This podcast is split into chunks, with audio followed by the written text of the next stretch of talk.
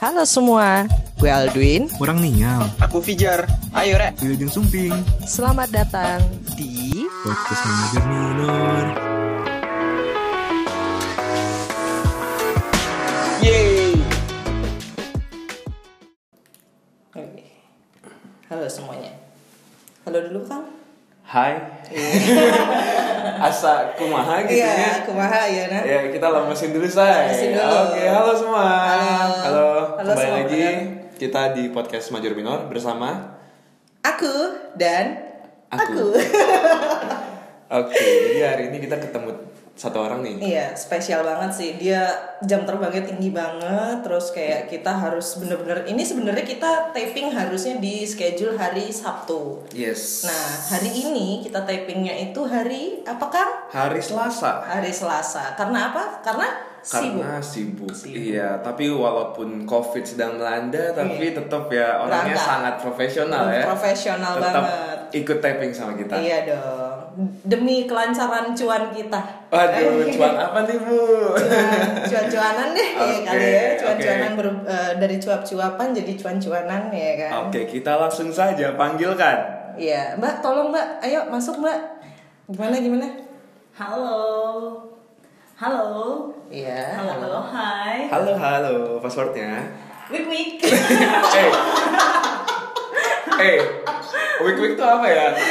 Saya belum ngomong loh. Iya. Bentar, bentar. Iya, coba coba. Coba tolong tanya aja sama Mbak Google ya. Dicari dulu. Padahal tadi nanya loh yang suruh passwordnya itu kalau ditanya password Oh. jawabnya wik wik. Oke. gue okay. jebak ya? Oke, oke, oke, oke. Boleh kenalan dulu nih siapa dengan siapa di mana? Hai, gue Amanda. Gue Oh. dari Blackpink. Wow. Dari mana? Blackpink. Blackpink. In your eye. Dari Blackpink. Bentar, bentar. Semenjak kapan Blackpink ada yang namanya Amanda? Belum belum masih baru masih baru. Oke, masih trainee ya. Belum rilis belum. Oke, belum rilis. Belum rilis. Cabutan, personal cabutan, Oke. personal cabutan ya. Iya, gimana Mbak? Apa kabarnya sekarang? Kabarnya baik, sehat walafiat. Ah. Terus I make a time buat ketemu sama kalian semua. Maaf ya kemarin di cancel hari Sabtu karena satu dan lain hal. Tapi akhirnya aku ambil day off kok hari ini. Gila, Setengah day off sih sebenarnya. Off. Luar biasa, kita berikan aplaus Yeay. buat Mbak Manda. Oke. Keren banget sih. Kita kita Demi merasa terhormat ya untuk bisa diluangkan waktunya gitu. Kita bukan apa-apa gitu, tapi memang mbaknya memang profesional jadi kita sekarang bincang-bincangnya agak serius. Oke. Gitu. Oke, serius dulu kumpulkan orang seriusnya. Hap. Oke. Oke. Kok gue nervous? Gak usah nervous, kita kembali lagi ya ke passwordnya segini papa.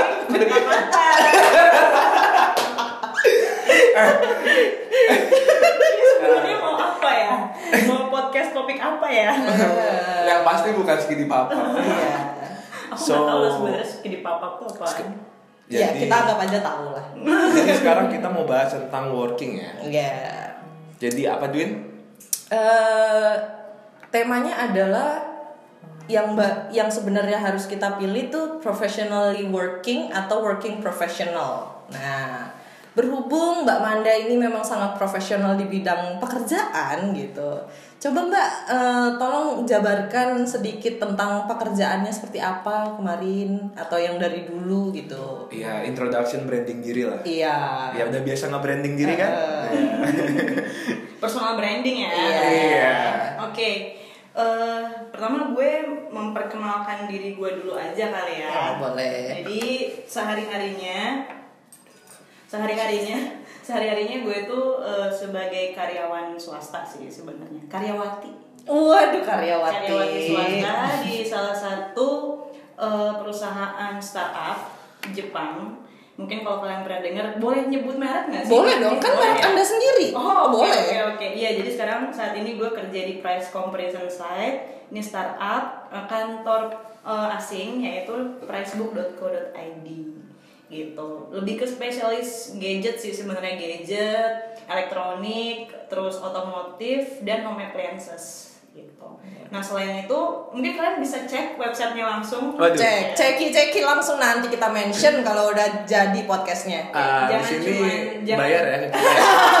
Gratisan nih. Kamu bro, bro enak sedunia. Ya Ya ampun kita murahan banget ya. Murahan banget. Jadi kita tuh habis di ini guys. Disogok. Disogok Yes. combro. Jangan lihat harganya. Iya. Yang penting combro terenak sejakarta. Sedunia. Sedunia. Di mana tempatnya? Di Kemang. Di Oh, Kemang di guys. Kemang. Oke. Nah jadi buat yang suka combro tuh boleh dicoba ya. Nanti tanya aja Japri sama tante ya. Oke, Oke. baik tante.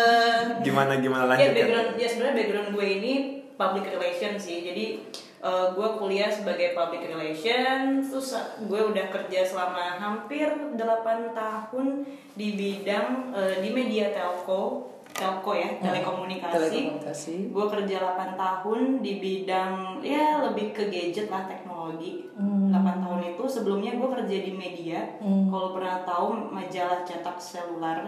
Nah gue pernah kerja di situ selama kurang lebih tiga setengah tahun. Ya tiga setengah tahun lah ya. Gue kerja di situ. Gila, udah cum laude kali tuh ya? Tiga setengah tahun udah cum Ah, laude. tapi Mbak sekarang ah, maaf nih umurnya berapa ya?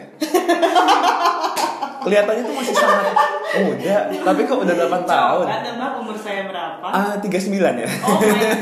Oh itu, my itu God. sih kaki sepatu aku ya. Waduh. Aku nggak lihat aku mirip sama Lisa Blackpink. Waduh, Wow. berarti umurnya 25 ya. 25-an lah ya. 25 ya, tapi pengalaman kerjanya udah 8 tahun tuh. Iya. Boleh diceritain nggak tuh? Iya.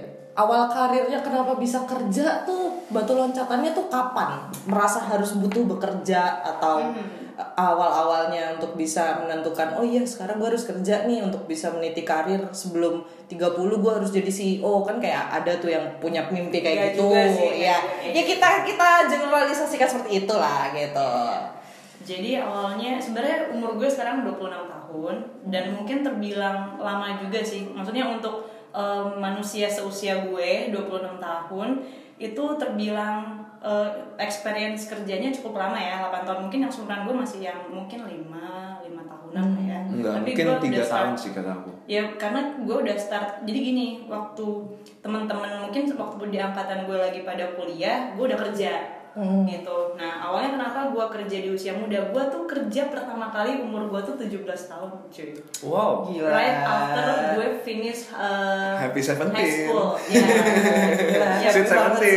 17. Happy Iya. banget sih itu. Jadi setelah lulus eh, SMA, gue langsung kerja di ta ya di tahun yang sama, di tahun kelulusan itu. Kenapa? Karena eh, dulunya tuh sebenarnya gue punya cita-cita masuk di stan. Karena pada saat itu bokap gue dari bea cukai dari custom dan dia tuh pengen banget anaknya tuh masuk di kementerian apa? Keuangan. keuangan ya salah satunya pajak PBB gitu ya ternyata saya fail saya nggak bisa masuk di eh, pajak setelah itu gue ikut coba kayak SNPTN MDK tapi nggak oh waktu itu sebenarnya gue dapet Gila PMDK jebot banget gak sih? Bukannya jalan undangan jadi PMDK ketahuan banget kan? ketahuan banget gak sih umur gue Anjir. tapi sebenarnya gue waktu itu keterima di Universitas Brawijaya jalur prestasi di kalau nggak salah fakultasnya tuh hukum Hmm. gue dapat jalur prestasi cuman gue nggak ambil di Malang karena kayak ah enggak deh gue nggak ngambil karena itu bukan eh, apa ya impian gue untuk masuk di Bukan passion kah? bukan passion juga sih di hukum. Terus akhirnya gue coba pindah ke Jakarta.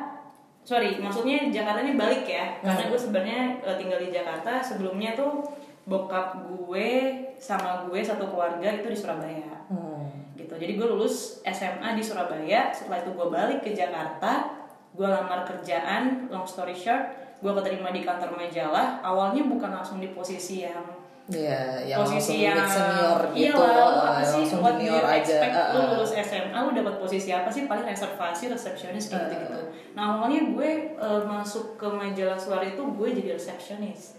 Hmm. jadi resepsionis selama kurang lebih ya dua dua setengah tahun almost tiga tahunan lah ya. Jadi kayak setengah tahun apa gue lebih lama jadi resepsionisnya dibanding gue pindah waktu itu gue pindah divisi gue dapat surat pemindahan dari resepsionis terus gue pindah jadi di divisi marketing online nah pada saat itu kerjaan gue tuh ngejualin placement website lu tau gak sih kayak banner-banner di website gitu Iya. Oh iya. Nah itu gue jualin ke brand eh, kayak aksesoris handphone, smartphone kayak gitu-gitu. Oh, iya, iya, Terus juga gue pergi ke lu tau Roxy kan sih? Hmm. Roxy Mas. Iya. Di sana tuh ternyata banyak banget brand eh, China yang nggak pernah dipromosiin di mana pun.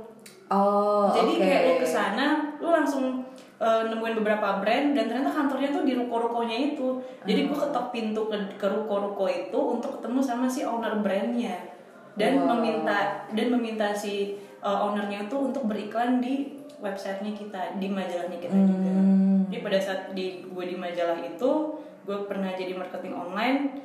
Misinya adalah memindahkan klien yang ada di majalah sebelumnya ke si website. Karena dulu Oh, perpindahan kan iya, antara iya. cetak ke Online, online iya. gitu kan. Nah di situ agak sulit karena eh, mereka rata-rata mintanya yang di website itu sebagai bonus. Jadi kita belum belum dapatin apa ya eh, profit dari si website itu tadi untuk ngejualin iklannya kayak gitu. Nah setelah eh, selang waktu berjalan kantor gue kena krisis, krisis finansial Hmm. di mana ada pengerucutan pegawai di situ. Saat itu gue udah hopeless sih, kayak hopelessnya tuh mungkin gue bakalan jadi salah satu orang yang akan dirumahkan kayak gitu. Oh iya. Tapi and then ternyata gue dapet tawaran kerja dan ini lucu sih. Jadi kayak gue kan kerja sambil kuliah tuh pada saat itu. Gue kuliah di salah satu stikom di Jakarta, Public Relation. Gue lagi ujian eh, ujian apa namanya UTS ya, Hmm. UTS. Terus gue ketemu sama salah satu temen gue.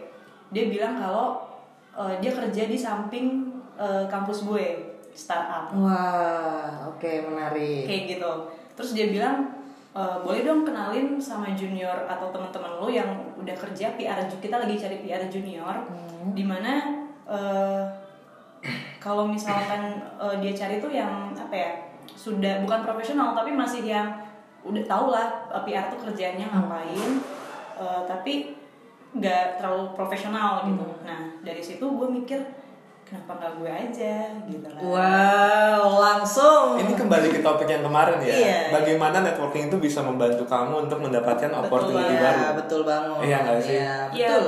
kayak gue ngerasa di situ tuh kayak apa ini destiny ya? Kayak Wow, gitu. Iya sih. sih. Emang semua ada jalan. Iya, Dan literally kantornya itu tuh bener-bener next to kampus gue. Nah ini yang price book itu. Iya, bener price book. Dan long story short, sekarang itu kamu udah manajer ya?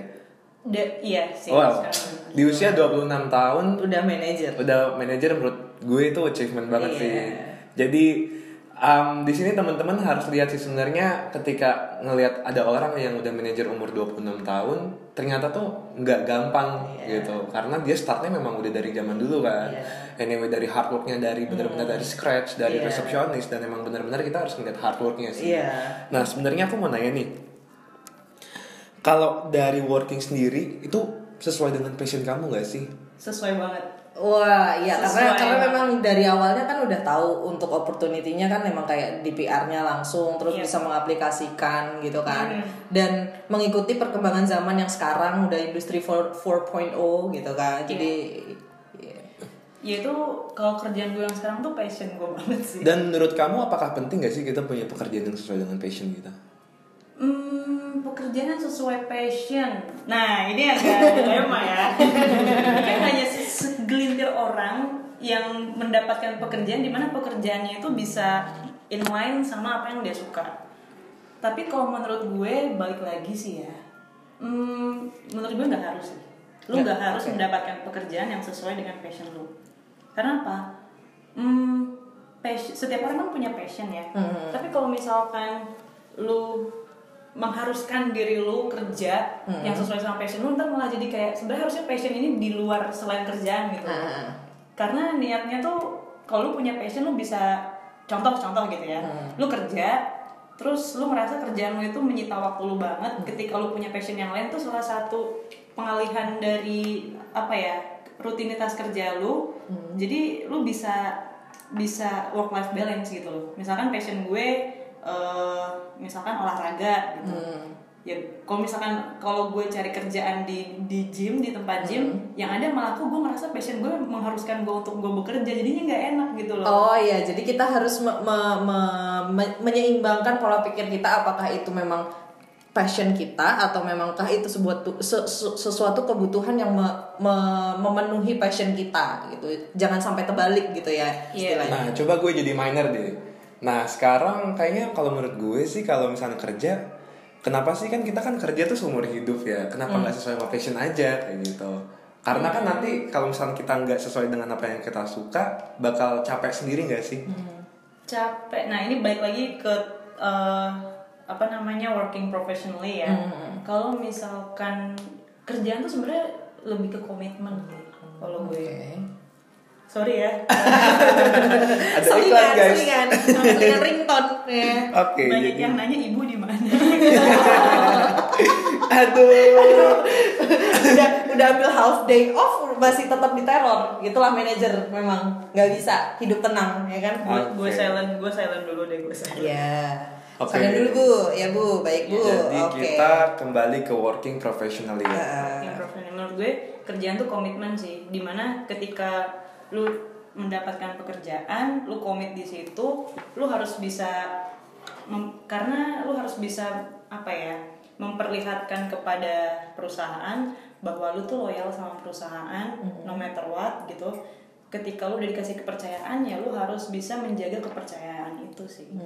Meskipun lu nggak apa namanya nggak punya passion di situ tapi kalau lu uh, punya perasaan untuk selalu belajar gitu ya yang menurut gue sih itu hal yang bagus ya itu positif sih menurut gue I see. jadi nggak harus sesuai passion sih Nah, terus menurut kamu pekerjaan itu membentuk diri kamu gak sih? Misalkan nih, gue introvert, tapi gue mau jadi PR, kayak gitu. dipaksakan untuk sebuah eh, kriteria lingkungan pe- pekerjaan yang memang jauh dari kata introvert sebenarnya kalau memang komunikasi dan eh, apa public relation kan harus ketemu sama orang dan lain sebagainya nah itu gimana caranya kita untuk bisa how to deal with that kind of situation gitu. Bekerja itu sangat-sangat bisa membentuk kepribadian lo yang jauh lebih baik sih. Nah, gimana tuh? How exactly working makes you?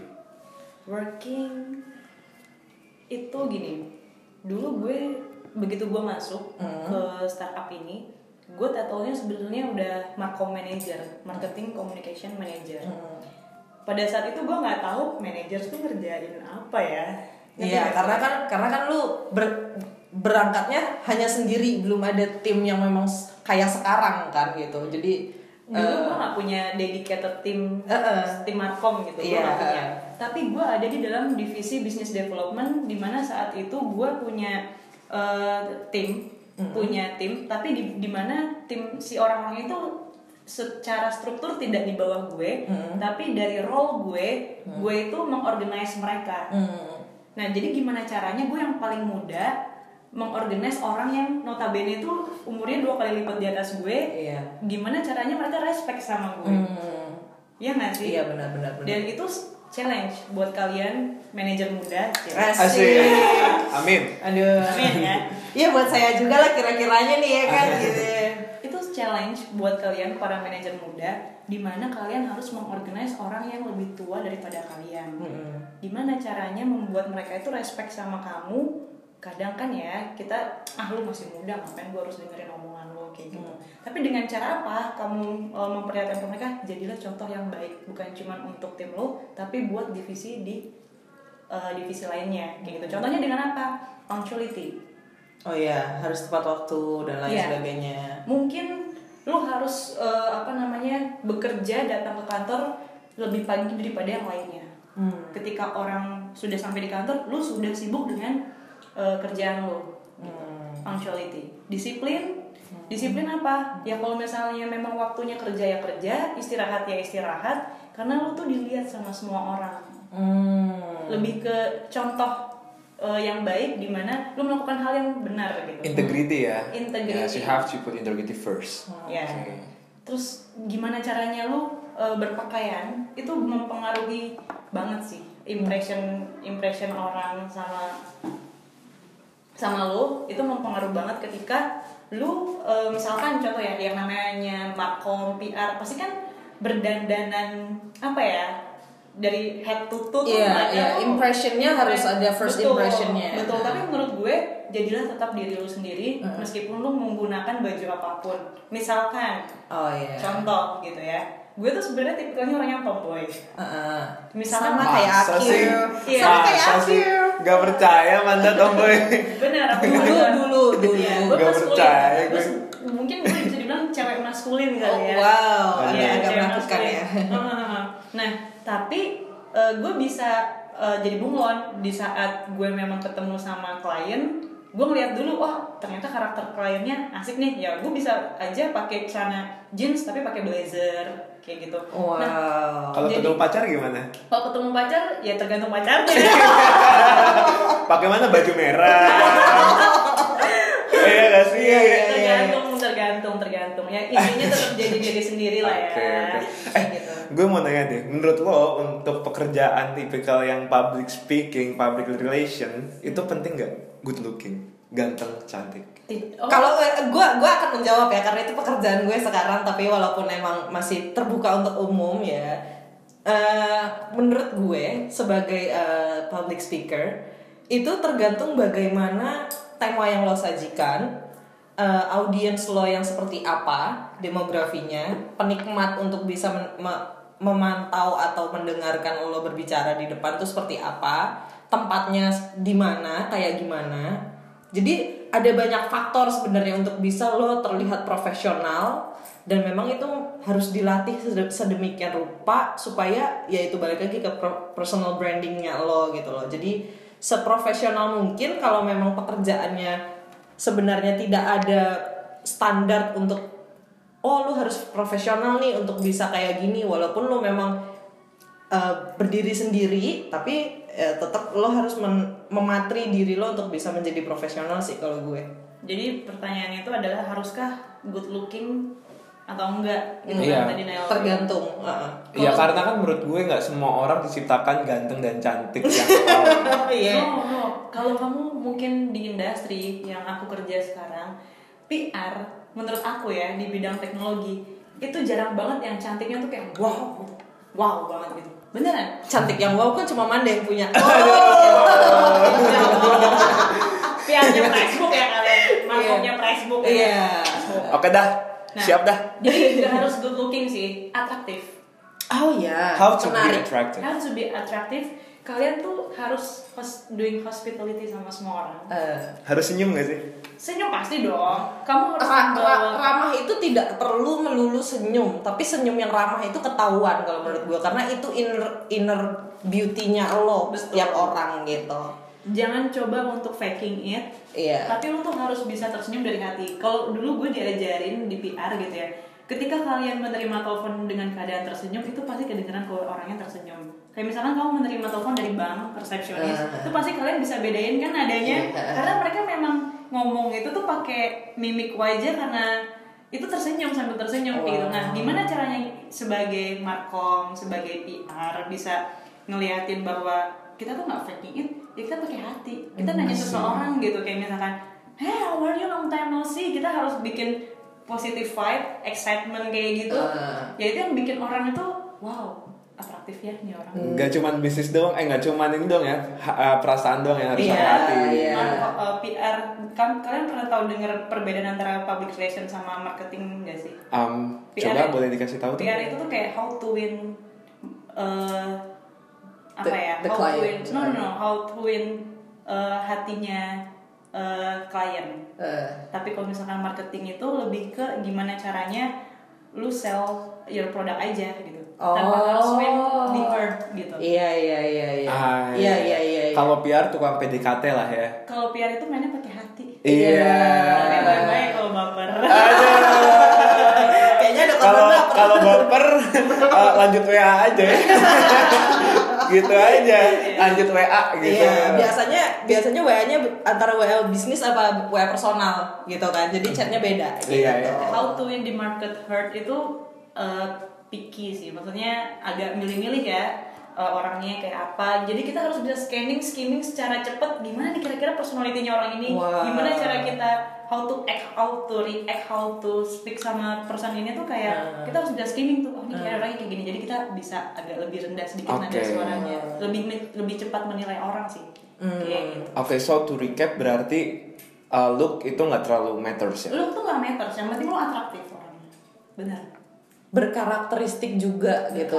Karena memang intinya lo memang diingat karena eh, setiap perkataan lo mungkin akan bisa menjadi remarkable for some people gitu kan. Karena emang lo berhubungan dengan seseorang yang akan memaintain perusahaan lo menjadi lebih baik gitu istilahnya Oke, so next question. Aku mau nanya nih, bagaimana tadi sih kalau kerja itu membentuk diri kamu tuh seperti apa yang sekarang? Maksudnya ketika kamu jadi manajer, misalkan dulu kamu misalkan orangnya nggak tepat waktu, ketika kamu jadi manajer, pekerjaan manajer tuh membentuk Manda seperti apa sih? Atau enggak pekerjaan PR membentuk Manda seperti apa sih? jadi di setiap jabatan itu ke, eh, pembentukan kepribadiannya tuh seperti apa gitu Nih. perubahannya Eh, for example kayak misalkan aku nih, aku kan dulu finance, aku tuh dulu nggak detail banget orangnya, aku tuh belangsakan, pokoknya nggak rapih gitu. Tapi gara-gara finance, aku tuh jadi terstruktur orangnya. oh Walaupun sebenarnya jadi diri aku tuh aku spontan, uhui kan. Oh iya. Jadi diri aku tuh aku nggak detail, really. Tapi semenjak aku finance, mungkin kan Manda juga pernah kan lihat kalau misalkan dia nge-planning sesuatu tuh bener-bener detail kayak gitu. Itu tuh karena bawaan finance aku. Nah kalau dari Manda sendiri gimana? Kalau aku tuh orang yang merubah aku ketika aku bekerja sekarang itu dari zaman aku belum kerja gitu ya sifat pemalu sih Idi pemalu. Bohong banget sih. Banget, anjir bohong banget. Enggak. sumpah. Nah, nggak, nggak. I don't believe it. I don't skip it. dulu, skip dulu ya. Gimana, gimana, gimana, gimana? orangnya eh, introvert extrovert mungkin ya maksud maksudnya ambivert, gini, ambivert ya. kalau sekarang bilangnya. Ya mungkin kayak gini kayak dulu tuh aku tipikal orang yang eh, pemalu, Hmm. nggak bisa menyuarakan pendapat aku ke halayak. Anjay. Dulu aku tipikal orang yang kayaknya ini salah deh, tapi aku Hmm. diem aja gitu. Oh, jadi orangnya slow respon gitu ya untuk bisa eh, apa ya bertindak langsung gitu. Bukan slow respon sih, tapi lebih, lebih kayak overthink. overthink. Ah, kayak kalau ketika ah. gue nanti ngomong, kayak gue terlalu kelihatan sok pinter nggak sih? Ah, kayak gitu-gitu. Takut Jadi, takut menjadi dominan. Insecure. takut, takut iya iya iya kayak gitu dulu tuh gue anaknya eh, kayak nggak bisa menyuarakan pendapat gue. Dan gue selalu keep itu ketika gue tahu itu salah gue diem aja gitu. Mm. nah ketika gue eh, kerja yang membentuk diri gue yang sekarang ini adalah gue jadi lebih bis- bisa speak up. Gue jadi lebih percaya diri. Terus gue yakin kalau bukan semua or- bukan cuma orang-orang tertentu aja yang bisa menyuarakan pendapatnya tapi gue juga berhak loh untuk kontribusi di dalam satu diskusi dan itu didengar sama manajemen kayak gitu. Ah, Oke. tapi pertanyaan gue adalah itu kan timbul atas eh, posisi lo yang sekarang gitu loh. No, Bagaimana bagaimana juga. itunya? Oh enggak juga. you have to be courage. Oke, oke. Jadi sebelum gue jadi kenapa gue bisa jadi managers? Mungkin ketika sebelumnya, eh, maksudnya gini, ketika gue masuk ke dalam kantor yang sekarang, title gue udah manager. Mhm. Tapi dulu gue belum dilibatkan dalam eh, apa sih? Tim yang besar. Di, dia, ya, gue bukan salah satu decision maker di Ah. dalam startup ini gitu loh. Gue masih di luar, cuma title aja managers, tapi gue Hmm. Oh. tidak dilibatkan di dalam eh, diskusi manajerial. Oke. Nah, Iya iya iya. tapi title gue udah manajer. Hmm. Nah, di saat gue 2 tahun kerja di apa di perusahaan yang sekarang, Hmm. mungkin head gue melihat bahwa dia percaya sama gue dengan dari semua keprofesionalan gue yang gue lakuin di dalam pekerjaan gue, akhirnya gue diikutkan dalam eh, apa namanya diskusi manajerial. Oh. Kayak gitu. Jadi sebenarnya sifat yang gue apa ketika gue jadi manajer itu udah sifat yang udah gue implementasikan sebelum gue jadi manajer.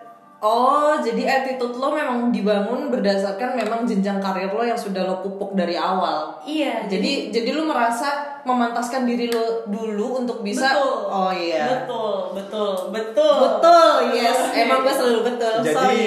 lo percaya ya bahwa kerjaan itu membentuk diri. betul. Seseorang. Gue percaya. Oke. Itu membentuk diri. Oke, so next nih ya agak menarik nih. Eh, pandangan kamu terhadap work life balance apa sih? Kamu punya work life balance gak sih menurut diri kamu? Ini ini skip banget sih dia kayaknya kalau work life balance. Karena gue tipikal orang yang oh ini orang susah banget untuk bisa diajak ketemu dan dia sendiri bilang kalau misalnya kalau lo mau ketemu samperin aja ke kantor gue gitu loh. Sama so far lo happy gak sih?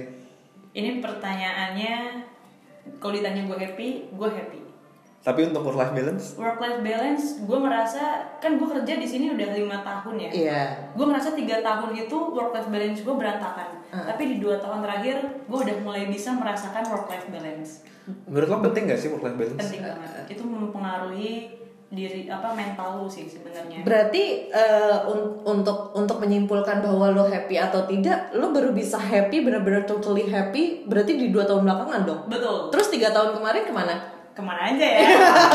gue ngilang ke mana sih tiga tahun belakangan tuh? Lo pernah demotivasi gak maksud ya Allah capek Iya, banget capek sih banget Dani ini hidup gitu. kenapa Dani gitu ya kan? Ya ngeluh-ngeluhnya standar lah gitu. Gue capek bukan karena gue mengeluh karena diri gue sendiri kecapean sih. Ah. Gue mengeluh karena mungkin gini, mungkin satu project yang gue laksanakan itu nggak sukses. Gue mengeluh karena itu, tapi bukan karena gue capek. Oh iya, Ya, iya. gitu.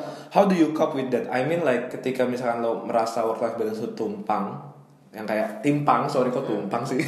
Tumpeng kali, aduh, ya. Iya, ketika work life balance lo timpang tuh apa yang lo lakukan sih untuk menghadapi itu? How to cope with that? Kalau gue percaya sebenarnya work life balance is not a real thing. No. Oh kok gitu? Jadi imaginary ya? Kok gitu? Yep.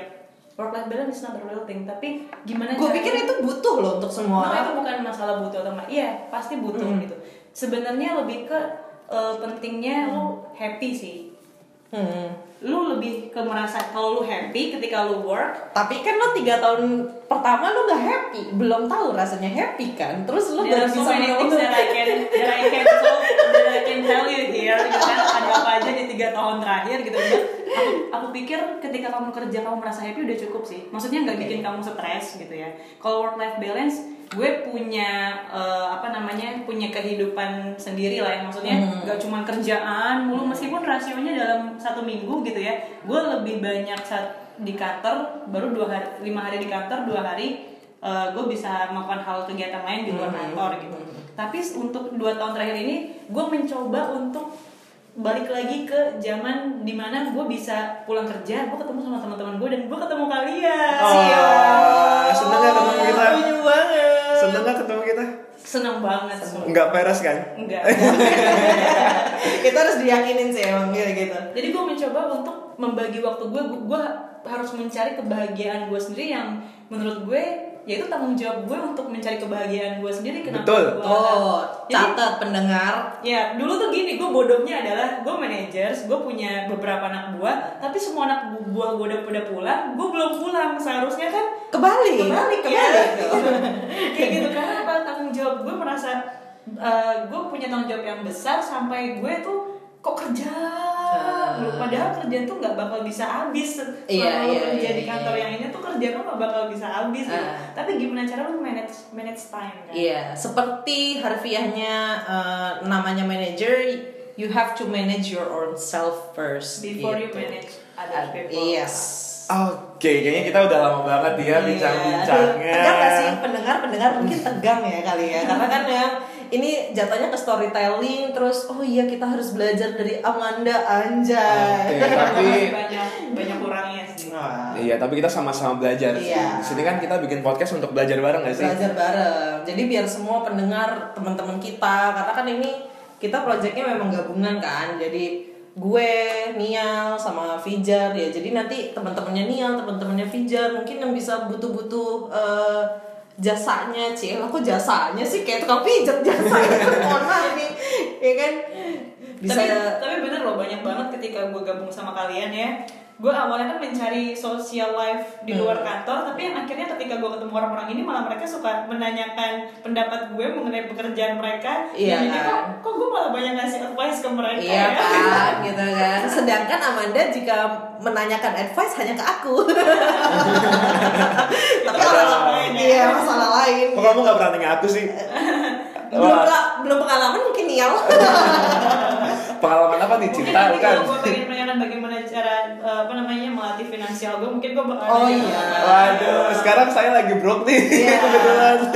mungkin Nial Zada uh, becoming financial planner for EF I aja. see. Oke oke oke. IF dengar itu ya. Oke, so to recap this session about working professional and working professionally ya. Um, aku mau nanya opini Manda nih. Apa aja sih value yang harus kita punya sebagai professional worker? How to be a professional worker? Karena kan per- uh, temanya adalah professional worker or working professionally dan itu kan kedua hal yang sebenarnya sama uh, serupa tapi tak sama gitu kan. Uh, Bagaimana kita uh, menjadi uh, pekerja yang profesional atau bekerja secara profesional itu kan kedua hal yang berbeda, Berbeda, ya. gitu. Iya. Untuk menjadi professional worker menurut gue harus selalu tetap belajar sih dan mendengarkan orang lain. Hmm. Lu harus eh, bisa mendengarkan orang lain meskipun lu merasa lu lebih apa ya lebih hebat dari dia, Hmm. lu harus bisa mendengarkan semua orang sih. Oh. Always be zero ya. Harus iya harus. Asik, udah kayak presentasi gue always be Iya. zero. Iya, aduh recall banget. Betul. Jadi kayak mungkin mungkin ini permasalahan salah satu beberapa professional worker ya. Mereka tuh punya ekspektasi yang tinggi, tapi pada kenyataannya kadang ketika kita menjalani suatu project, kita kadang kecewa ketika ekspektasi kita itu nggak sesuai Iya, gitu. Iya, kan. itu Nah, berlaku untuk semua manusia masa kini sih. Iya. Dalam artian bahwa you don't have to put any kind of expectation to uh, other things kalau memang kapabilitas lo jauh dari ekspektasi lo gitu. Jadi kalau untuk jadi professional worker, lo harus selalu belajar dan selalu mendengarkan sih. Oke, so that's the most important point ya. Menurut gue itu yang paling Belajar dan terus men- bisa mendengarkan orang lain. Oke, mantap Mantap banget. jiwa, mantap mantap sedap anjay. Oke, ya guys, so this is our end session for Iya. today podcast. Iya. Thank you so much for Dan having me. ya Wah, makasih terima kasih banyak. banget. Aduh, kita kalian terima kasih Iya. ya kita dari schedule guys ya Allah. Eh, sebelum kita tutup, kita Terima kasih mau kalian tidak terlambat ya. terima kasih. kasih Mbak Manda terima kasih atas combronya ya. Sponsor, sponsor, combro kemang Oke, anjay. sebelum kita tutup Arigato, podcast arigato. kali Oh, ini, uh, kita tutup dengan passwordnya Skidi Papap enak-enak. Wik wik. Iya, oke. Anak-anak mantap mantap. Terima kasih mendengar dan sampai jumpa di podcast selanjutnya. Yeay.